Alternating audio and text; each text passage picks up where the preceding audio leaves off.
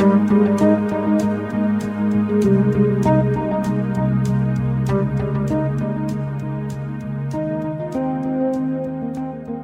lytter til programmet Kvinner i vinden. Her skal du få møte kvinner som har noe ekstra viktig med seg på jobben trua på Jesus. Intervjuer er May-Britt Liljeros Lauvik, og programmet er produsert av P7 Kristen Riksradio.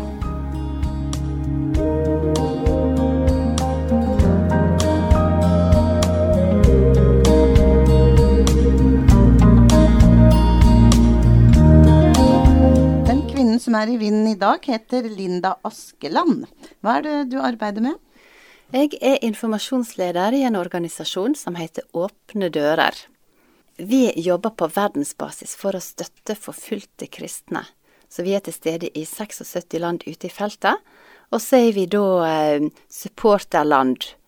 I Norge har vi et eget arbeid da, for å supporte det i disse 76 landene på feltet. Hva er det arbeidet ditt går ut på? Arbeidet mitt er veldig variert, og det er noe av det jeg liker med, jobben også. Alt ifra å være redaktør for magasinet vårt, ansvar for TV-arbeidet, å være ute og treffe mennesker og holde møter, kontakt med medier og politikere, besøke arbeidet vårt på feltet, ikke minst. Eh, også da lede informasjonsavdelingen. Så der er mange fasetter og mange muligheter. Ja, hvorfor har du valgt et sånt yrke? Eh, jeg vil kanskje si at det er heller yrket som har valgt meg. Jeg fikk en eh, konkret utfordring til å begynne der, og hadde opplevd egentlig at Gud hadde talt i forkant av det også, så det var veldig lett for meg å gå gjennom den døra og begynne å jobbe i denne organisasjonen. Tidligere så har jeg jobba i familie og medier, nå tro og medier. Også noe som jeg opplevde Gud leder inn i. Det er begge tverrkirkelige organisasjoner der det er en brei kontaktflate med hele den kristne familien i landet vårt, og det er jo noe som jeg syns er veldig kjekt å få være med på. Hva slags utdannelse har du som bakgrunn for å få en sånn type jobb? Min utdannelse er litt grann hummer og kanari. Jeg var ikke veldig målretta når jeg studerte. Jeg tok det jeg opplevde jeg hadde lyst til å ta. Så det ble mellomfag i pedagogikk og mellomfag i kristendom, og grunnfag i drama. Et år med journalistikk og eh, en del poeng i dette som har med ledelse og organisasjonspsykologi å gjøre. Hvilke utfordringer møter du i arbeidet ditt?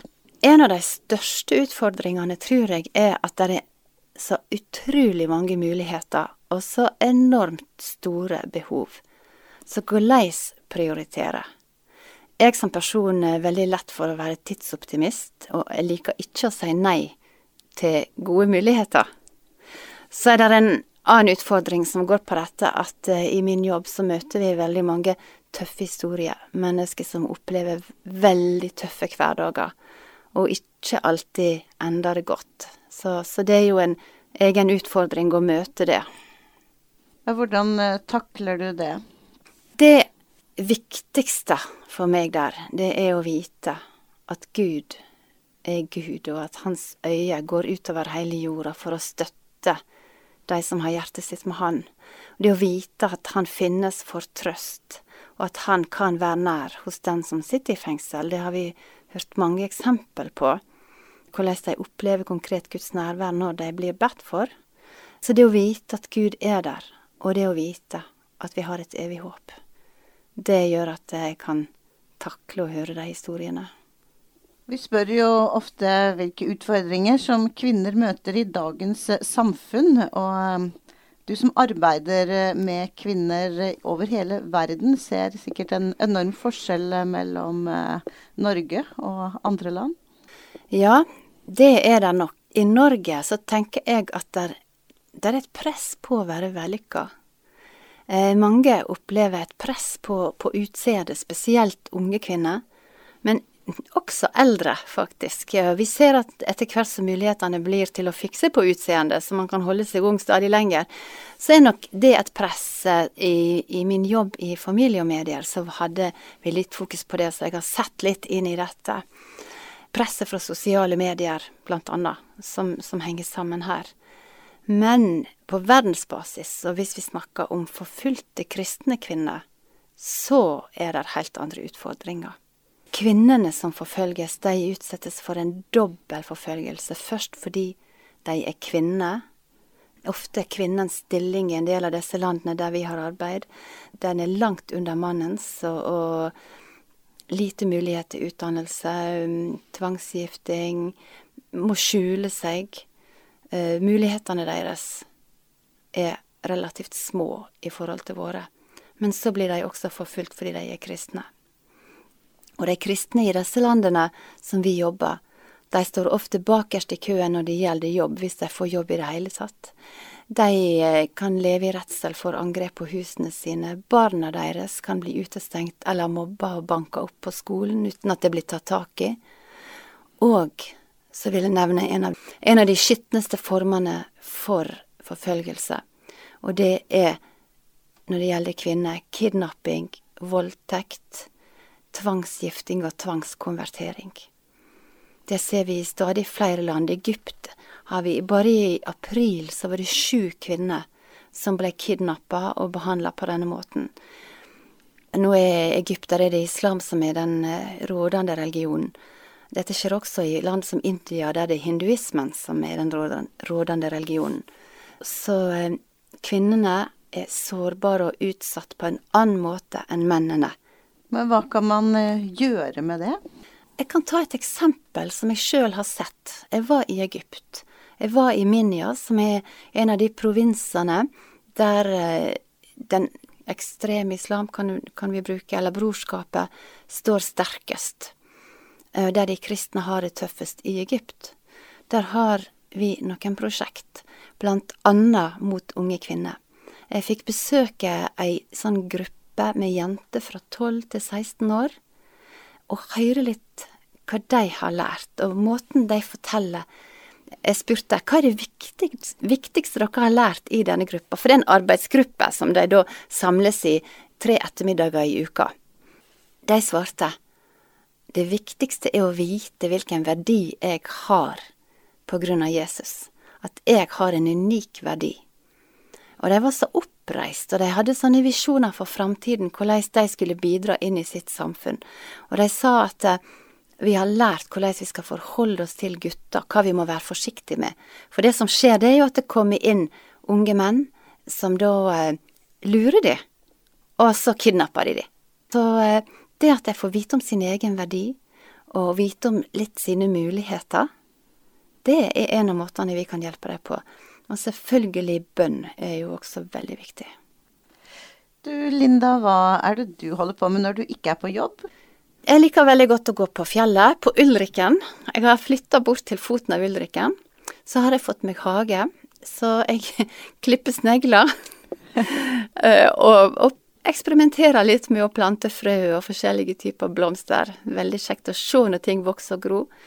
Så jeg er veldig glad i å lese, og syns det er veldig koselig med en god prat og være sosial og spise et godt måltid sammen. Linda Askeland, hvordan var det du ble en kristen? Jeg vokste opp i et kristent hjem. Jesus har alltid vært der. Så kom jeg fra en liten bygd der det var en todeling. Enten så gikk du på bedehuset, eller så gikk du på ungdomshuset. Jeg tror ikke det er sånn i dag, men det var min opplevelse når jeg vokste opp. Og det var faser med, med slitninger. Hvilken vei skal en gå? Det handler litt om å bli akseptert og kjenne seg innafor. Men når jeg var tolv år, så var jeg med min far på en tenåringsleir. Jeg var egentlig litt for liten, men han skulle være leder, så jeg fikk bli med. Og der var det nattvær. Da kjente jeg på alvoret. Hvis jeg gikk fram til nattvær, så betydde det én ting. Hvis jeg lot være, betydde det en annen ting. Og jeg eh, tok et bevisst valg den gangen, og gikk fram og visste at nå er det der jeg går. Så husker jeg desperasjonen fra begynnelsen av 20-årene etter å se mer av det som står i Bibelen, bli en realitet i mitt liv. Så jeg søkte masse, og i dag så kjenner jeg på en trygghet om at jeg er Guds barn, og at Jesus er hos meg, og at vi går sammen. Alltid. Hele veien. Veldig takknemlig for det. Men denne lengselen etter å kjenne mer av Jesus og se mer av hans liv gjennom meg, den er der fortsatt. Hva har Jesus å si for hvordan du takler alt dette som du møter i løpet av din arbeidsdag? Uten han så kunne jeg ikke vært i den jobben jeg har. Han, han er jo selve grunnlaget, og som jeg sa i stad, uten å tro at han er og trøster de som sitter i fengsel for sin tro, de som blir torturert, barna som blir utestengt, enken i Nigeria som har sett sin mann bli slakta ned, uten å tro at han er der, midt i det for dem så kunne jeg ikke ha jobba med det. Hjelper Jesus deg da med oppgaver og problemer? Ja, det vil jeg si. Det er ikke noe sånn eh, brask og bram, men det er sånn stille vandring med Han. Det står i Bibelen at han er en kilde til visdom og forstand. Og, og når jeg sitter oppover ørene med arbeid og ikke veit helt hvor jeg skal begynne og hvordan jeg skal prioritere, så kan jeg enkelt snakke med han om det og spørre om visdom til å velge rett og ta det rette først, og hjelp til å finne kreative ideer, og det opplever jeg stadig vekk at jeg får svar på. Kan du nevne en kvinne i Bibelen, og hvorfor du ser opp til henne? Ja, det er mange kvinner i Bibelen som er gode forbilder. Men jeg velger meg Ester. Hun var villig til å bære et enormt ansvar for å redde sitt folk. Og hun var modig. For en tid som denne fikk du dronningverdigheten, står der. Jeg tenker at det er et budskap til oss alle. Vi lever i en tid som denne. Og hvis vi tror at Gud har satt oss i denne tida, der vi er, i vårt nabolag, på vår arbeidsplass osv., for en hensikt, så blir alt mye mer spennende. Det er så mange som ikke kjenner Han, og om vi stiller oss fullstendig til hans disposisjon, sånn som Ester gjorde, så tror jeg det får betydning for mange mennesker. Men det kan koste, det vil koste, men det er verdt det.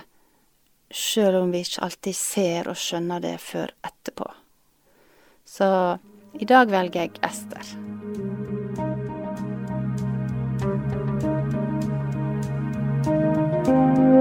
Du har lytta til programmet Kvinner i vinden. Intervjuer er May-Britt Liljeros Lauvik og programmet er produsert av P7 Kristen Riksradio. Har du kommentarer, spørsmål eller vil ha kopi av programmet, så send oss en mail på post krøllhalfa p7.no.